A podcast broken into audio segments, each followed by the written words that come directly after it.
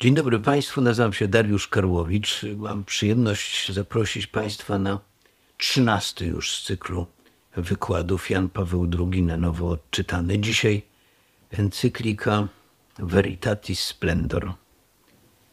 Encyklika dla filozofów, ale i dla całego Kościoła ogromnie istotna. Opowie o niej ojciec profesor Jarosław Kupczak, wykładowca Uniwersytetu Papieskiego Jana Pawła II oraz rzymskiego Angelikum.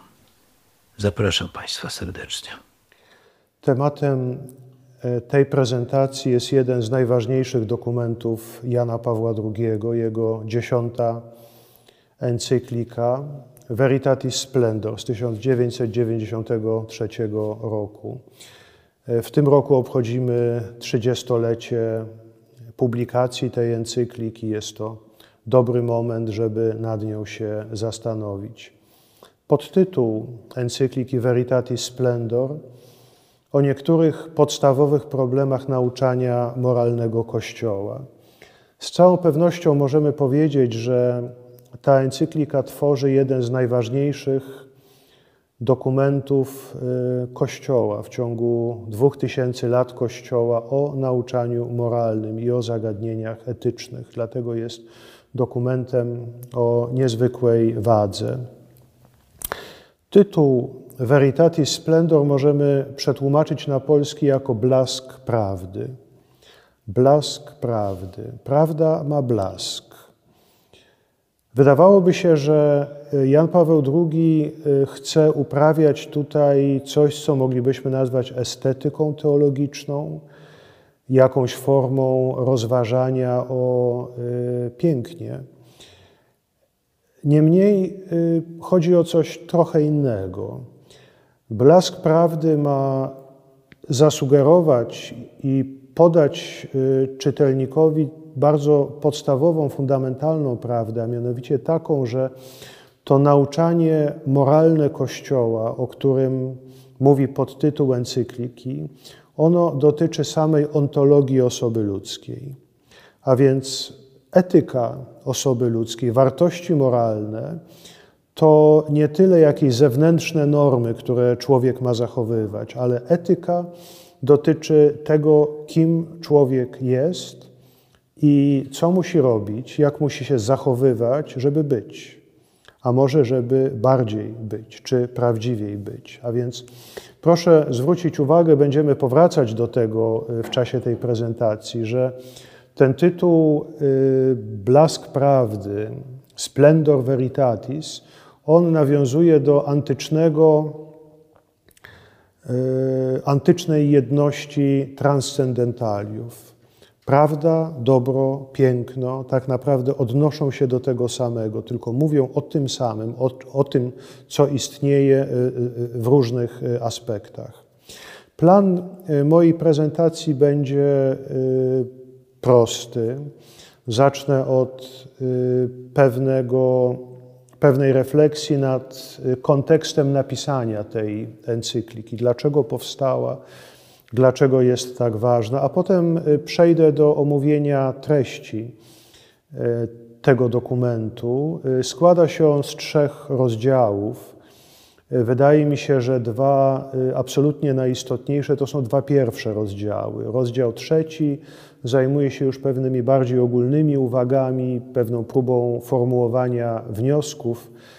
Encyklika jest niezwykle obszerna i niezwykle, jak moi słuchacze zapewne e, dostrzegą e, bardzo ciężka, jeżeli chodzi o pewien o wagę podejmowanych, głębię, podejm powagę podejmowanych e, zagadnień. Więc każdy prezenter tej encykliki musi zmierzyć się z pewnym dylematem wyboru treści. Nie da się przekazać wszystkiego w tym E, krótkim e, wykładzie. Takiego wyboru ja również musiałem dokonać. Państwo sami e, ocenią, czy ten wybór był słuszny. Zacznijmy więc od kontekstu napisania encykliki. Jan Paweł II pisze na samym początku tak. Dziś jednak wydaje się konieczna refleksja nad całością nauczania moralnego Kościoła, której konkretnym celem jest przypomnienie niektórych fundamentalnych prawd doktryny katolickiej w kontekście współczesnych prób ich podważenia lub zniekształcenia. Niezwykle jasne sformułowanie.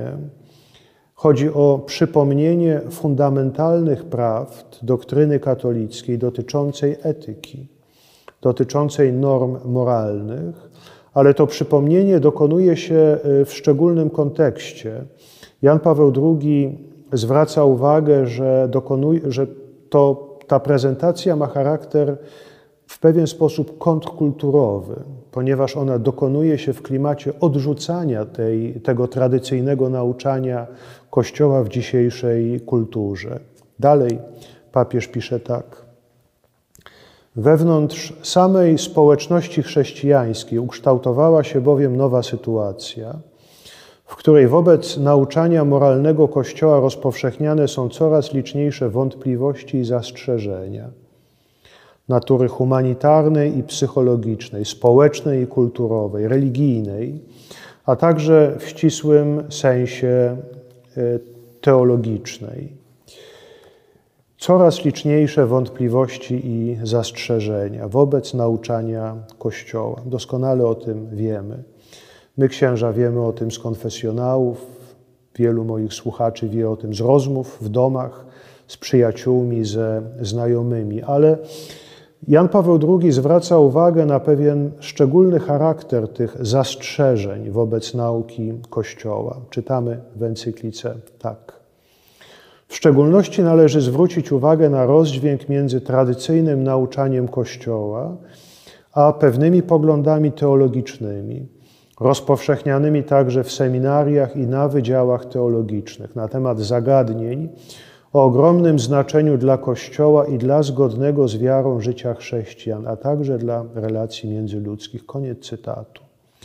Tutaj papież niezwykle prosto i jasno mówi y, o rzeczy bardzo bolesnej dla y, Kościoła, a mianowicie o tym, że z całą pewnością po Soborze Watykańskim II wystąpił jakiś hiatus pomiędzy rozdźwięk, pomiędzy tradycyjnym nauczaniem Kościoła, a, tego, a tym, co wykładano na wydziałach teologicznych różnych uniwersytetów na całym świecie, także niestety w seminariach. A więc widzimy, że na początku tej encykliki e, autor bardzo wyraźnie mówi, że jej celem jest przypomnienie tego, czego naucza Kościół katolicki w sprawach moralności, ale przy bardzo jasnej świadomości, że te prawdy nie tylko są odrzucane przez dużą ilość katolików, ale także są zniekształcane przez biskupów, teologów i kapłanów. To jest niezwykła, niezwykły ciężar gatunkowy tej e, encykliki zapewne od strony teologicznej najpoważniejszej encykliki w dorobku Jana y, Pawła II. Kiedy mówimy o, o tym, że miała ona być pewnym lekarstwem na y, ten rozdźwięk, na ten podział w, y, w, w Kościele, musimy wspomnieć jeszcze jedną rzecz. Otóż losy tej encykliki. Warto powiedzieć o tym teraz, na, na początku, mówiąc o tym kontekście jej napisania. Losy tej encykliki były mm, bardzo dziwne. Otóż te same seminaria i wydziały teologiczne, które odeszły od tradycyjnej nauki Kościoła, bardzo często niestety nie zauważyły tej encykliki. Był to Wydaje się również ten dokument papieski, czy jeden z tych dokumentów Jana Pawła II, który w samym Kościele spotkał się z największym lekceważeniem i po prostu ignorancją, takim, takim nie, nie, niezauważeniem. Dla tych e, z Państwa, którzy chcieliby e, więcej na ten temat e, przeczytać, piszę o tym w dwóch moich książkach które poświęciłem y, tej tematyce związanej z adhortacją papieża Franciszka Amoris Leticia w pierwszej książce u źródeł sporu o Amoris Leticia i drugiej Amoris Leticia konflikt interpretacji. Tam pojawiają się konkretne nazwiska teologów i konkretne tytuły, konkretne tezy, które pokazują, że wiele wydziałów teologicznych na świecie po prostu świadomie nie zauważyło tej encykliki. Przejdźmy do struktury dokumentu i do omówienia treści przede wszystkim dwóch pierwszych rozdziałów. Rozdział pierwszy jest niezwykle ważnym pewnym nadaniem tonacji w tym dokumencie. On w gruncie rzeczy jest papieską medytacją nad fragmentem Nowego Testamentu, fragmentem Ewangelii, a mianowicie nad biblijnym spotkaniem Chrystusa z bogatym młodzieńcem. Możemy powiedzieć, że tak jak każdy katolik, a szczególnie każdy teolog, Jan Paweł II kochał całe Pismo Święte. Ale wewnątrz Pisma Świętego z całą pewnością miał swoje ulubione teksty, do których nadzwyczaj często wracał. Myślę, że szczególnie były takie dwie opowieści z Nowego Testamentu, które Jan Paweł II szczególnie chętnie komentował i, i, i które powracają w jego różnych pismach, przemówieniach, homiliach. Pierwszy tekst to rozmowa Chrystus, Chrystusa z apostołami o wierze. Ten fragment, gdzie Chrystus pyta apostołów o ich wiarę. Jak pamiętamy, ten fragment zaczyna się od tego takiego ogólnego pytania, za kogo ludzie uważają Syna Człowieczego. Apostołowie opowiadają o, o tych różnych opiniach, które krążą na jego temat, ale celem Chrystusa jest zapytanie o ich wiarę. I potem pojawia się to niezwykle ważne pytanie, a wy za kogo mnie uważacie? W imieniu apostołów odpowiada Szymon Piotr. Ten piękny tekst jest niezwykle ważnym źródłem do rozważania tego, czym jest wiara, jaka jest natura wiary. Na tym tekście Jan Paweł II oparł swoją homilię podczas mszy inauguracyjnej swojego pontyfikatu i potem wiele razy do tego tekstu wracał. I teraz chciałbym powiedzieć o drugim tekście, o spotkaniu Chrystusa z bogatym młodzieńcem. Jest to, jak sądzę, jeden z tych ulubionych tekstów Jana Pawła II. Jest to tekst, w którym, którego treścią jest to, co wynika z wiary, a mianowicie postępowanie człowieka, etyczne, moralne życie chrześcijanina. Podążymy oczywiście w interpretacji tego tekstu za tym, co napisał Jan Paweł II w swojej encyklice. Jak pamiętamy, to spotkanie Chrystusa z młodym człowiekiem, młodym Żydem, zaczyna się od pytania tego młodego człowieka: Nauczycielu, co dobrego mam czynić, żeby otrzymać życie wieczne? Co dobrego mam czynić, żeby otrzymać życie wieczne? Widocznie ten młody człowiek słuchał mów Chrystusa i usłyszał, jak Chrystus mówił coś na temat jednego z tych najważniejszych tematów swojego, swojego przemawiania, a mianowicie o pełni życia. Kiedy Chrystus mówi o pełni życia, że w nim jest życie. I to życie w dodatku nie kończy się w momencie śmierci, ale staje się życiem wiecznym, życiem, którym, które nie ma końca. I w sposób charakterystyczny dla mentalności żydowskiej, dla kogoś, kto był wychowany na torze, na przykazaniach, na bardzo jasnym kodeksie etycznym, y, ten młody człowiek chce tę obietnicę Chrystusa zamienić na bardzo konkretne wskazania, co mam robić, żeby wejść do tego życia, żeby otrzymać pełnię życia, żeby otrzymać życie wieczne. Istnieje związek, pisze Jan Paweł II, pomiędzy życiem moralnym a życiem wiecznym.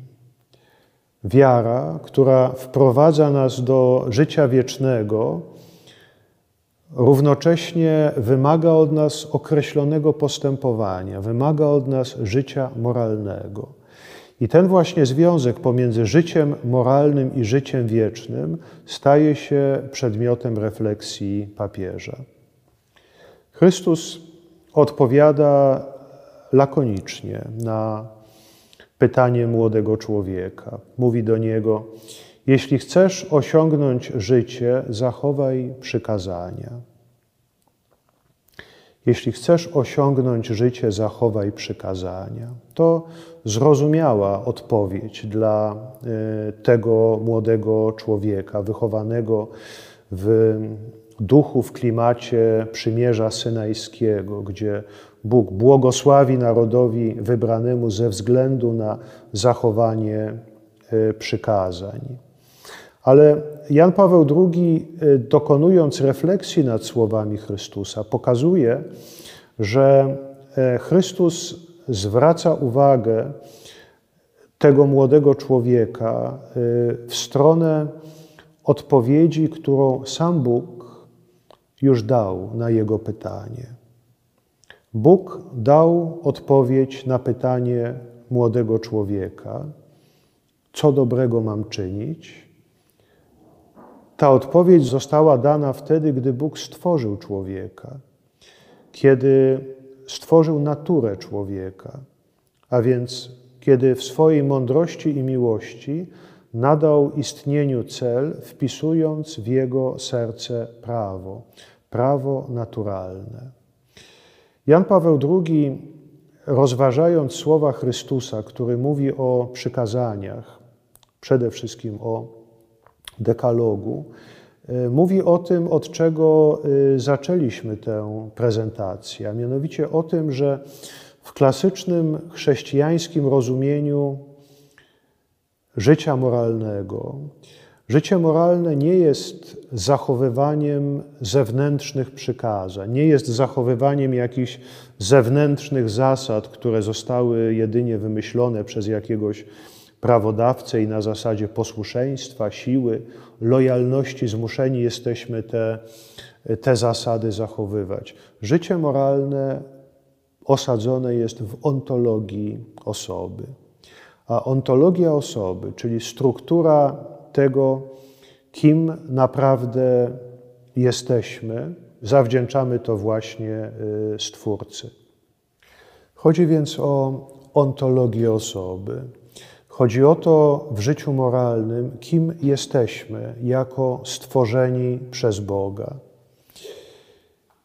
Czym jest prawo naturalne w klasycznym chrześcijańskim rozumieniu? Jan Paweł II pisze tak.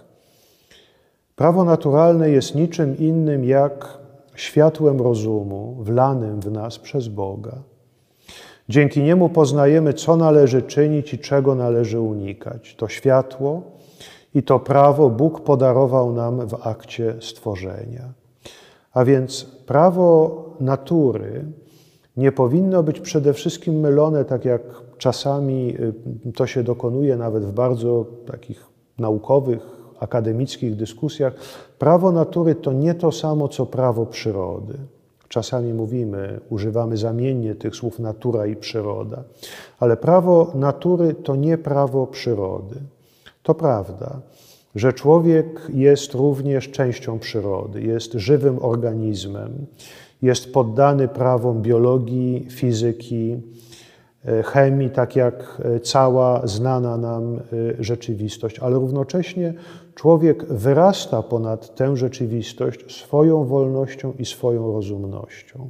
I prawo natury tym różni się od prawa przyrody, że człowiek jako jedyny byt w materialnej rzeczywistości jest w stanie swoim rozumem rozpoznać swoją naturę, poznać te dobra, które udoskonalają byt człowieka, istnienie człowieka i te dobra realizować w swoim życiu. Tego dotyczy prawo natury.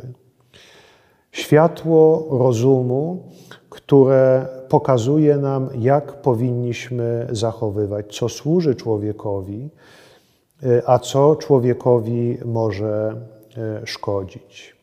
Kościół zawsze uczył, że dziesięć słów Boga, czyli dziesięć przykazań nadanych na Synaju, dekalog, to właśnie sformułowania prawa naturalnego, które obowiązują każdego człowieka i których prawda może być rozpoznana także po prostu za pomocą rozumu. Dekalog jest niczym innym jak sformułowaniem prawa naturalnego. Moglibyśmy powiedzieć po prostu o humanistycznym znaczeniu dekalogu. Nie kradnij, nie cudzołóż, nie mów fałszywego świadectwa, nie zabijaj. To obowiązuje każdego człowieka, który chce dobrze, prawdziwie żyć.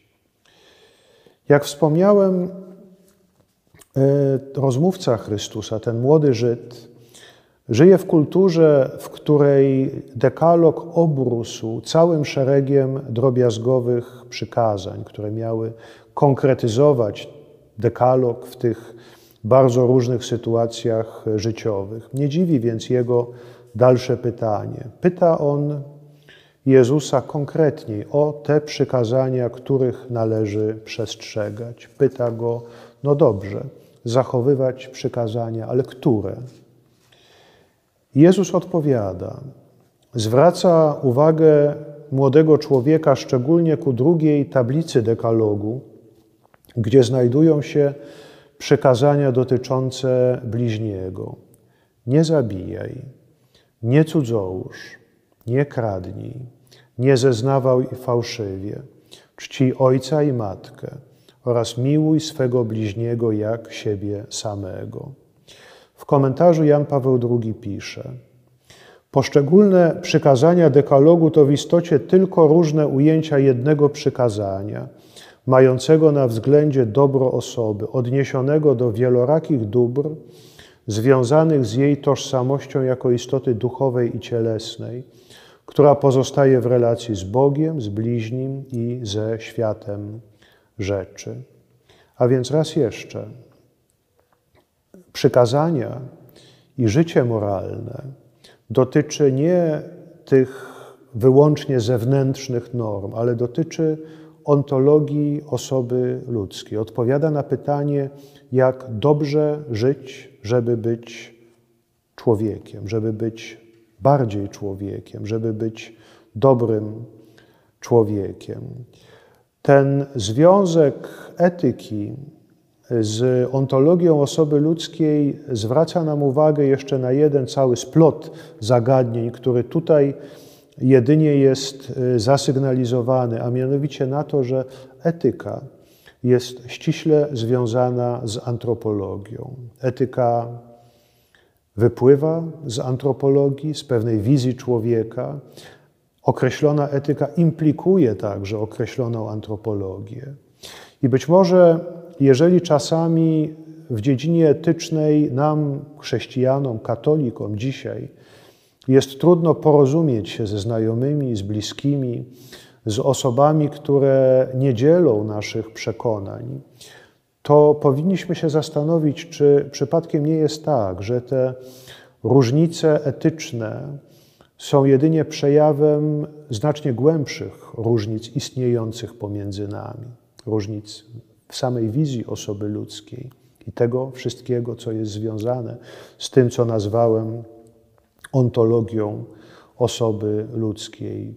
Może te różnice etyczne są wyrazem pewnych głębokich różnic po prostu religijnych i metafizycznych. Odpowiedź Jezusa dotycząca przykazań nie zadowala młodego człowieka, który mówi do niego: Przestrzegałem tego wszystkiego. Czego mi jeszcze brakuje?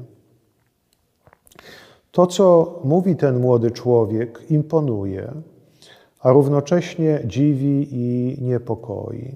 Imponuje, ponieważ mamy do czynienia z kimś, kto niewątpliwie bardzo serio podchodzi do przestrzegania przykazań.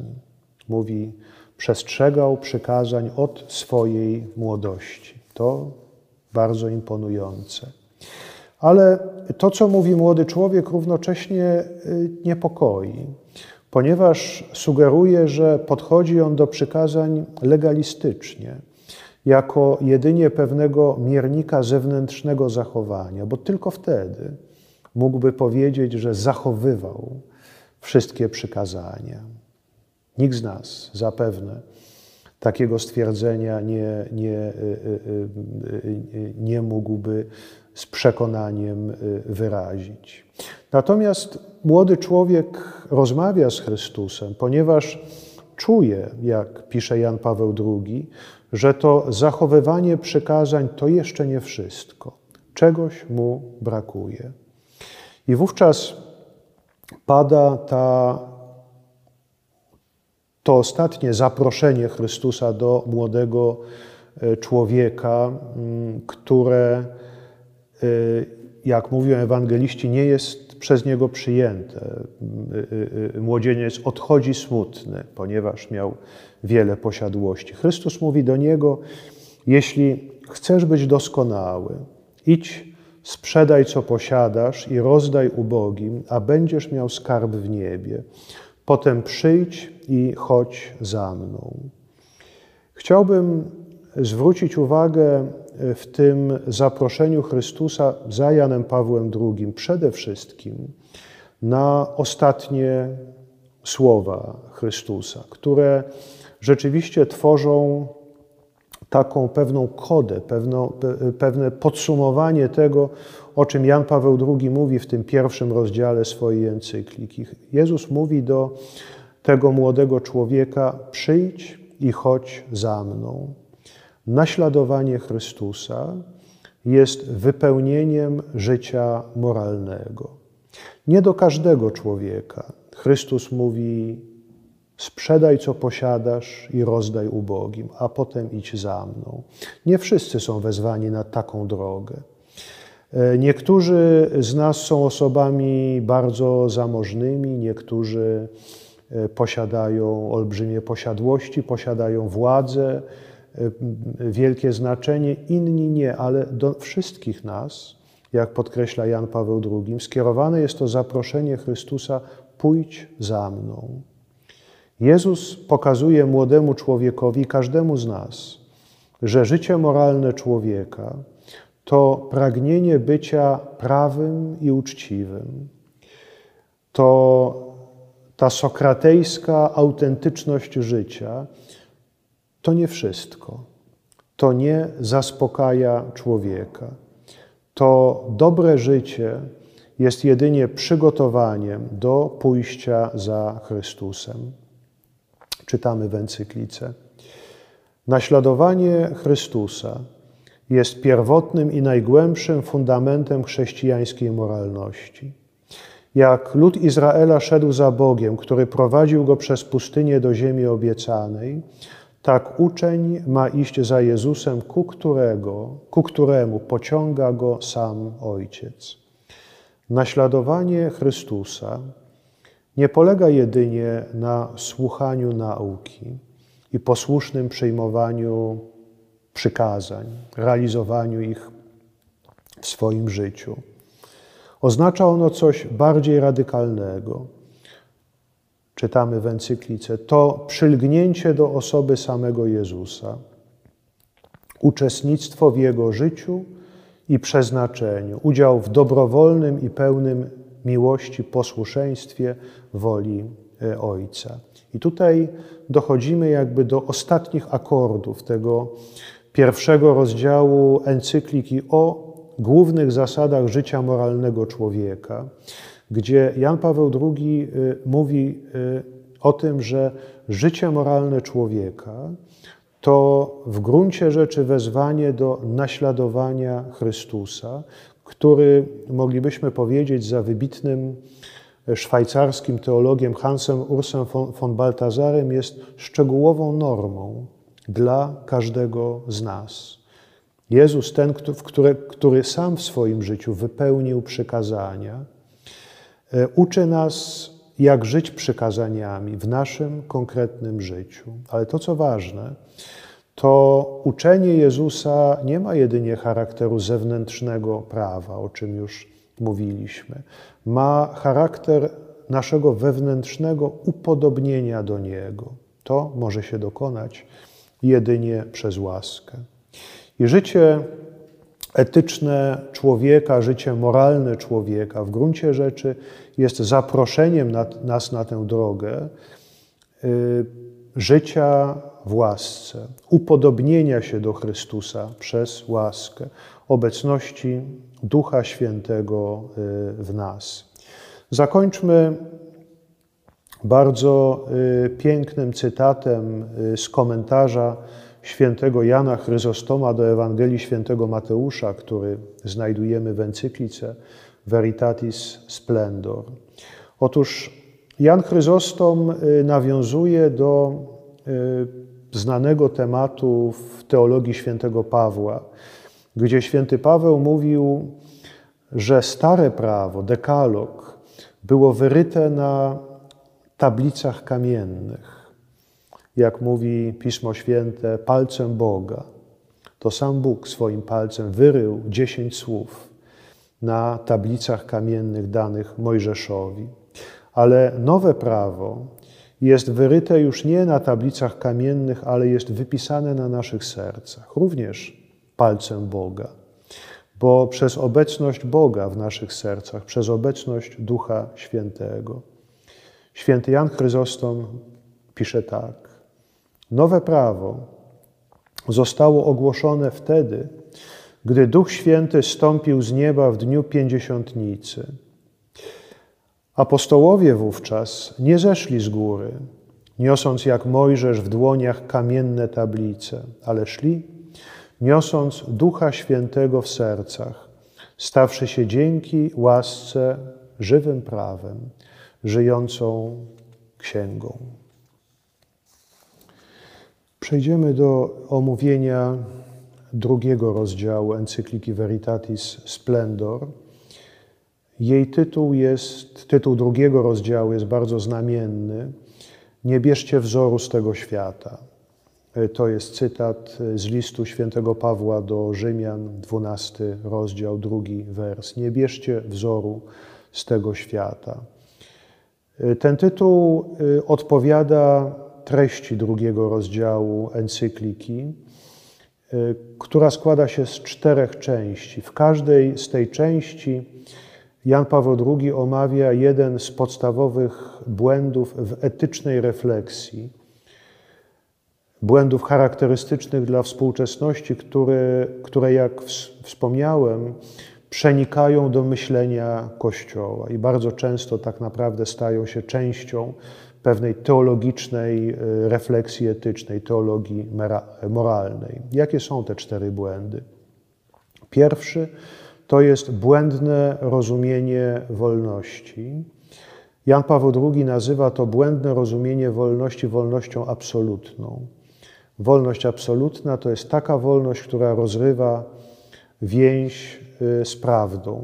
Wolność, która istnieje poza prawdą, szczególnie prawdą ludzkiej natury, tym, co nazwałem ontologią osoby ludzkiej.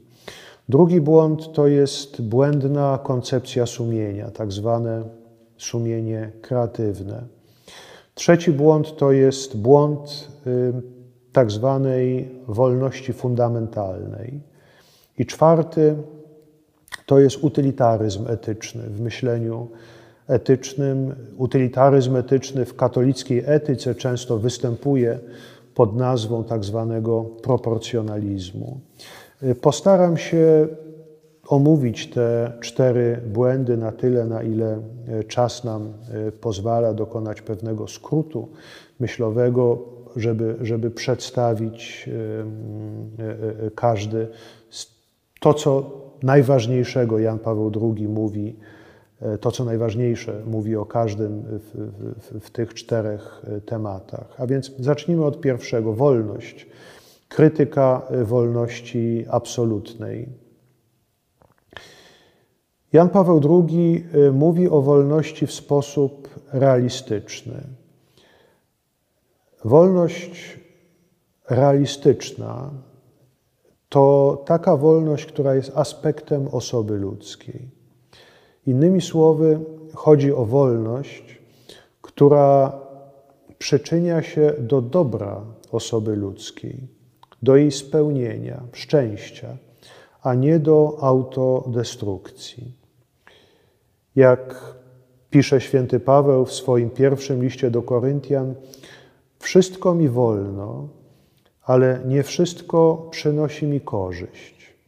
Wszystko mi wolno, ale ja niczemu nie oddam się w niewolę.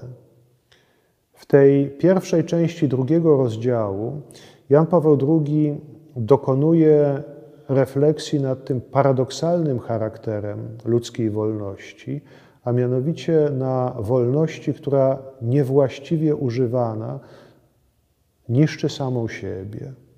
Wolność, która prowadzi do niewoli, jak mówi święty Paweł. Wolność, która staje się nie wolą, niewolnością. Wolność, która prowadzi do autodestrukcji, do zniszczenia spróbujemy zaznaczyć kryteria tego właściwego używania ludzkiej wolności, aby zakorzeniona była w tym, co nazwaliśmy ontologią osoby ludzkiej, prawdą o tym, co doskonali człowieka. Podstawowa prawda Bożego objawienia w tej dziedzinie, jak podkreśla Jan Paweł II, jest taka, że wolność człowieka jest ograniczona. Dlaczego? Ponieważ człowiek jest stworzeniem, tylko Bóg ma wolność nieograniczoną, absolutną. Bóg czyni wszystko, co chce, i przez fakt tego, że chce, że czyni, wszystko, co czyni, jest automatycznie dobre. Bóg nie czyni zła, ale w przypadku człowieka, tak jak pisze święty Paweł, nie wszystko przynosi korzyść. Nie każdy ludzki wybór jest wyborem wolnym, który przyczynia się do większej wolności człowieka.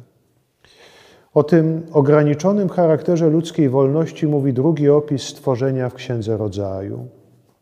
Pan Bóg dał człowiekowi taki rozkaz: Z wszelkiego drzewa tego ogrodu możesz spożywać według upodobania ale z drzewa poznania dobra i zła nie wolno ci jeść, bo gdy z niego spożyjesz, niechybnie umrzesz.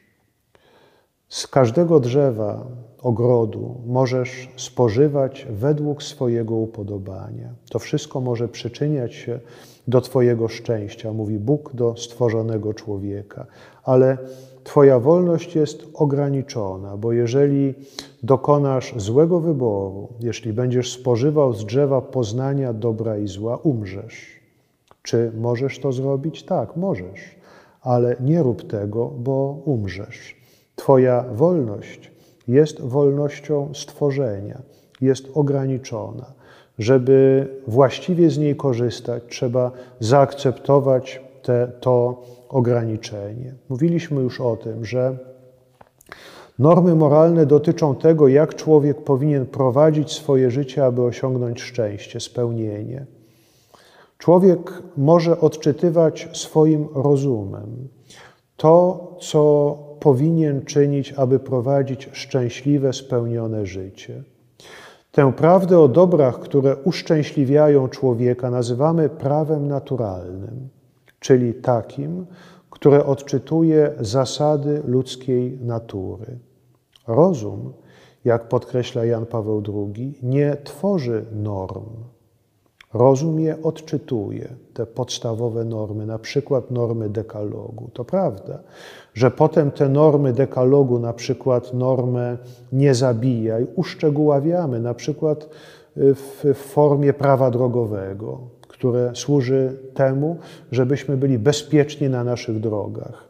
bezpieczni na naszych y, y, ulicach, żeby każdy żeby początkujący kierowca nie myślał, że jest Krzysztofem Hołowczycem, prawda?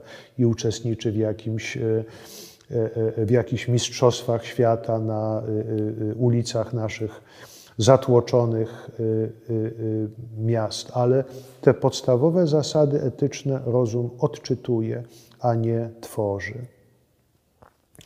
Takie rozumienie norm moralnych, mówi Jan Paweł II, wyklucza pewne koncepcje autonomii moralnej człowieka, których ludzki rozum jest całkowicie suwerenny w dziedzinie norm moralnych, a człowiek autonomicznie nadaje sobie prawo. Dekalog podkreśla, że jesteśmy stworzeniem. Prawda o byciu stworzeniem ogranicza ludzką wolność. Co ciekawe, y, Jan Paweł II zwraca uwagę, że te koncepcje wolności absolutnej, które odrzucają tę więź z prawdą, o której tutaj mówimy, związane są często z dualizmem antropologicznym. Czytamy w encyklice. Wolność, która uważa się za absolutną, prowadzi często do traktowania ciała człowieka jako surowca pozbawionego znaczeń i wartości moralnych, dopóki wolność nie ukształtuje go według własnego zamysłu. W konsekwencji natura ludzka i ciało jawią się jako wstępne dane, czy tylko przesłanki do wyborów dokonywanych przez wolność człowieka. One są materialnie niezbędne, ale zewnętrzne wobec osoby, wobec podmiotu i ludzkiego działania. Koniec cytatu. Jan Paweł II zwraca tutaj uwagę na y, niezwykle ważną kwestię, fundamentalną dla dzisiejszych sporów dotyczących y, y, gender, dotyczących transseksualizmu, tych wszystkich zagadnień związanych z płcią i akceptacją własnej płci, a mianowicie zwraca uwagę, że w niektórych koncepcjach antropologicznych ciało musi być ucywilizowane przez ludzką wolność. Ciało jest subludzkie, jest e, poniżej godności człowieka. Dopiero ludzka wolność musi nadać znaczenie własnemu ciału według własnego projektu. Jeżeli tego nie robi, ciało pozostaje jedynie tworzywem, jedynie surowcem. Oczywiście w klasycznej y, chrześcijańskiej y, antropologii jest y, odwrotnie, jest inaczej. Ciało z racji tego, że jest częścią stworzenia, jest nośnikiem znaczeń, które człowiek odczytuje i według których stara się żyć. Te podstawowe znaczenia to encyklika nie podejmuje tych, y, y, tych rozważań, jedynie wskazuje kierunek myślenia. Te podstawowe znaczenia to oczywiście mężczyzna, kobieta, to oczywiście seksualność, to ojcostwo, macierzyństwo. Przecież nie jest tak, że człowiek wymyśla je, że człowiek nadaje je swojemu ciału. One w pewien sposób w naszej cielesności, także w biologicznej strukturze naszej cielesności są, y, są zakorzenione. Tyle na temat pierwszej części y, drugiego rozdziału i tej krytyki wolności absolutnej. W drugiej części Jan Paweł II y, dokonuje pewnej refleksji na temat błędnego rozumienia sumienia dzisiaj. Zaczyna od zacytowania fragmentu Konstytucji Duszpasterskiej o Kościele w świecie współczesnym Gaudium et Spes Soboru Watykańskiego II. Tak pisze y, Sobór. W głębi sumienia człowiek odkrywa prawo, którego sam sobie nie nakłada, lecz któremu winien być posłuszny i którego głos wzywający go zawsze tam, gdzie potrzeba, do miłowania i czynienia dobra, a unikania zła, rozbrzmiewa w sercu nakazem: czyń to, a tamtego unikaj. Człowiek bowiem ma w swoim sercu wypisane przez Boga prawo, wobec którego posłuszeństwo stanowi o jego godności i według którego będzie sądzony. Koniec cytatu. Ten y, fragment Konstytucji Soborowej staje się dla papieża okazją do przedstawienia klasycznej chrześcijańskiej koncepcji sumienia. Czym jest sumienie? Czytamy w encyklice tak. Osąd sumienia jest osądem praktycznym, to znaczy sądem, który wskazuje człowiekowi, co powinien czynić lub czego unikać, albo też ocenia czyn już dokonany. A więc sumienie jest osądem konkretnej sytuacji. Koniec, koniec cytatu. Zwróćmy uwagę, że osąd sumienia jest sądem ludzkiego rozumu. Rozumu, mówimy praktycznego, to znaczy skierowanego ku ludzkiemu zachowaniu. To niezwykle ważna prawda o każdym człowieku. Oznacza ona, że każdy człowiek w swojej rozumności, w swoim rozumie ma tę szczególną własność, która pozwala nam podejmować dobre dla nas decyzje. Nazywamy je decyzjami moralnie dobrymi. Kiedy słuchamy swojego sumienia, podejmujemy decyzje moralnie dobre. Sprzeciw wobec swojego sumienia prowadzi do podejmowania decyzji moralnie złych. I dalej. Człowiek, który podejmuje moralnie dobre decyzje, staje się moralnie dobrym człowiekiem, czyli inaczej po prostu dobrym człowiekiem, czyli inaczej dobrym w byciu człowiekiem, nie w byciu muzykiem, wykładowcą, kierowcą, sportowcem, Y, reżyserem filmowym. W każdej z tych dziedzin mamy do czynienia z pewnymi kryteriami bycia dobrym, dobrze wykonywania swojej pracy, ale tutaj, kiedy, mówi o, kiedy, chodzi, kiedy mówimy o moralności, chodzi nam o byciu dobrym człowiekiem. Nie w tym, w tym, co robimy, ale w samym byciu człowiekiem. I równocześnie możemy powiedzieć, że człowiek, który sprzeciwia się swojemu sumieniu, staje się moralnie złym człowiekiem, czyli po prostu złym człowiekiem, złym w byciu człowiekiem. Człowiek sumienia, jak lubił mówić Jan Paweł II, człowiek sumienia to po prostu dobry człowiek, dobry w byciu człowiekiem.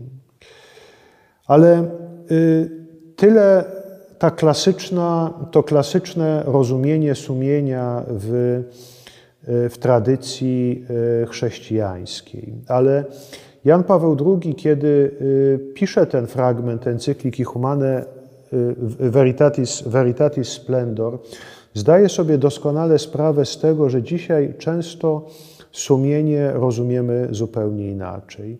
Sumienie staje się uzasadnieniem nierzadko naszych błędnych wyborów.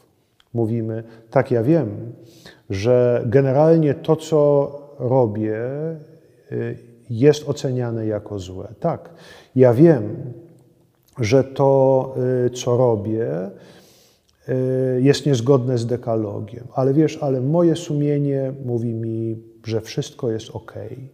To moje sumienie staje się rodzajem dyspensy od ogólnych norm, staje się usprawiedliwieniem dla własnych, własnego błędnego y, postępowania czy własnych y, różnych ryzykownych czy błędnych wyborów. Dlaczego tak jest?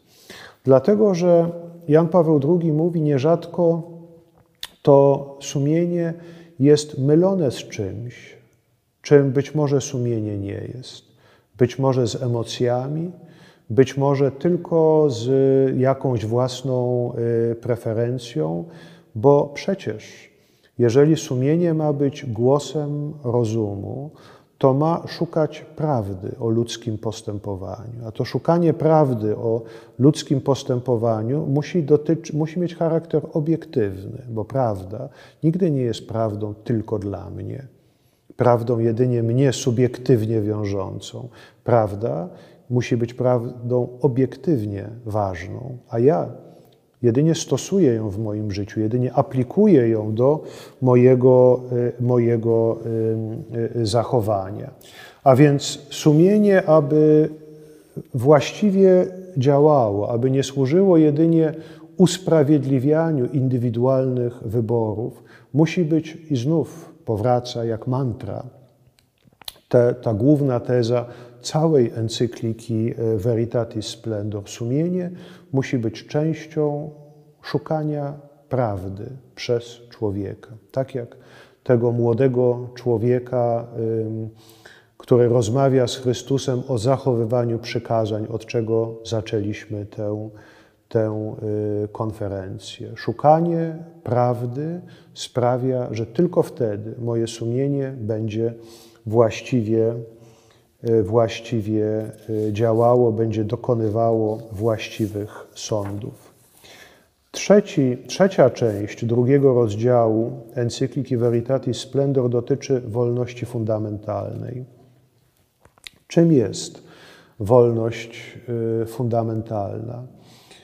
Przez niektórych filozofów, teologów XX wieku Wolność fundamentalna została zdefiniowana w odróżnieniu od tak zwanej wolności kategorialnej, czy też wolności szczegółowej. A więc mamy z jednej strony wolność fundamentalną, z drugiej strony wolności kategorialne, te e, konkretne. Wolność fundamentalna jest to ta wolność, której używamy decydując o kierunku naszego życia. Może to jest decyzja o zawarciu małżeństwa, decyzja o przeprowadzce do innego kraju, decyzja o wyborze powołania, powołania kapłańskiego przez młodego chłopca, zakonnego przez młodą dziewczynę. Tego rodzaju wolność fundamentalna determinuje, moglibyśmy powiedzieć, w gruncie rzeczy, wiele lat, a może nawet całe życie y, człowieka. I potem są wolności kategorialne, te konkretne, za pomocą których tę wolność fundamentalną realizujemy i rozmieniamy w naszych codziennych decyzjach i codziennych y, wyborach. Czy y, przyjdę na czas do pracy, czy wykonuję moją pracę sumiennie, czy spełniam swoje powołanie, które kiedyś wybrałem ale które muszę, muszę realizować w tym szeregu codziennych, y, codziennych y, y, wyborów. W takim rozróżnieniu wolności fundamentalnej i wolności kategorialnych nie widzimy jeszcze nic złego. Wydaje się, że, że takie rozróżnienie w gruncie rzeczy bardzo odpowiada naszemu doświadczeniu. Natomiast to, na co zwraca uwagę papież w encyklice Veritatis Splendor, to fakt, że y, w niektórych nurtach teologii moralnej y, jedynie wolności fundamentalnej przypisuje się zna poważne znaczenie moralne. A więc jedynie tam dokonuje się to, co decydujące dla człowieka, a na co dzień y, nasze wybory czy nasze błędy, one określane są w gruncie rzeczy jako nieistotne, jako pomyłki, jako, jako coś mało istotnego. Jako rezultat tego rozróżnienia na wolność fundamentalną i wolności kategorialne, Jan Paweł II y, zwraca uwagę, że y, pojęcie grzechu zostało w gruncie rzeczy relegowane z ludzkiego życia, bo na co dzień człowiek w wymiarze tych wolności kategorialnych, tych codziennych, w gruncie rzeczy y, nie grzeszy. To są pomyłki, to są błędy do korekty. Wolność fundamentalna miała dowartościować ludzką godność ale w zamian doprowadziła w gruncie rzeczy do banalizacji wolności, pomniejszenia godności osoby i zapomnienia o tym, że to na co dzień w tych konkretnych wyborach dokonuje się to, co istotne. Jesteśmy dobrymi pracownikami, dobrymi ludźmi, budujemy własną godność, albo wprost przeciwnie ją tracimy. I często tracimy ją właśnie nie przez te wybory fundamentalne, tylko tracimy ją przez codzienne decyzje, małe, ale nierzadko o wielkim y, znaczeniu. To tam, jak przypomina Jan Paweł II, mamy do czynienia z wzrastaniem w łasce albo z osuwaniem się w grzech, także w grzech śmiertelny. Ten grzech śmiertelny nie wydarza się tylko wtedy, kiedy dokonujemy aktu apostazji, ktoś dokonuje aktu apostazji, czy niewiary, czy jakiegoś poważnego zaparcia się Chrystusa. Grzech śmiertelny nierzadko dokonuje się, wydawałoby się, w bardzo banalnych e, okolicznościach naszego życia, ale tracimy przez niego łaskę uświęcającą, ranimy swoich bliskich, niszczymy więzi ze swoimi bliskimi, z Kościołem i z Chrystusem. E, tego rodzaju rozumienie, dowartościowanie tych wolności kategorialnych służy prawdziwie pokazaniu, że człowiek na co dzień ma współpracować z łaską i ilustruje to w ten sposób tę bardzo starą prawdę, nauczaną już przez ojców Kościoła, że tak naprawdę jesteśmy swoimi własnymi rodzicami. Tak jak rodzice nas kiedyś zrodzili do życia, tak my jesteśmy swoimi rodzicami. My rodzimy się, tworzymy się poprzez nasze codzienne decyzje. I czwarty, czwarta część drugiego rozdziału y, omawianej y, encykliki mówi o y, sposobie oceny moralnej ludzkiego czynu. Ta główna teza tej części encykliki dotyczy przede wszystkim zwrócenia uwagi na tak zwane źródła moralności, czyli na to, jak oceniamy ludzki, y, ludzki czyn. Y, od starożytności wyróżniano w tej ocenie ludzkiego czynu trzy elementy, a więc przedmiot, czynu, czyli co robimy, co, co podmiot chce tak naprawdę zrobić. Po drugie, intencje, a więc dlaczego to robi, jaki jest cel, co chce osiągnąć w wyniku konkretnego czynu i okoliczności, czyli w jakiej sytuacji to zachodzi, co, co miało wpływ na naszą decyzję. W przypadku każdego z czynów kluczowe jest y, oceny czynu kluczowe jest zauważenie i właściwa ocena każdego z tych trzech czynników. Natomiast encyklika zwraca uwagę na niezwykle ważną prawdę w tej y, y, y, normatywnej rzeczywistości moralności, a mianowicie, jak czytamy w encyklice, moralność ludzkiego czynu zależy przede wszystkim i zasadniczo od przedmiotu rozumnie wybranego przez świadomą wolę. Przedmiot aktu chcenia stanowi o czynie.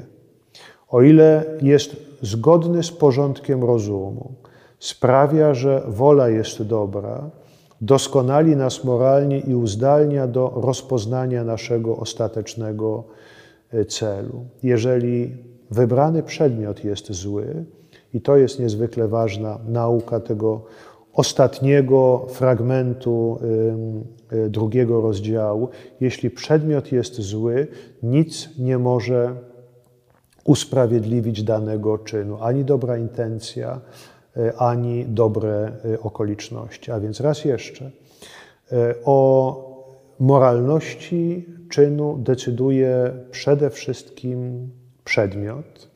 Jan Paweł II przypomina, że y, istnieją tak zwane czyny wewnętrznie złe, czyny intrinsece malum, czyli takie, których nic nie może usprawiedliwić. O nich właśnie mówi dekalog, od którego zaczęliśmy tę prezentację. Cudzołóstwo, kradzież, zabójstwo niewinnej osoby, bluźnierstwo, brak szacunku wobec swoich rodziców e, i cały, cały szereg tych e, e, czynów, o których myślimy w powiązaniu z, z dekalogiem. To są tak zwane czyny wewnętrznie złe.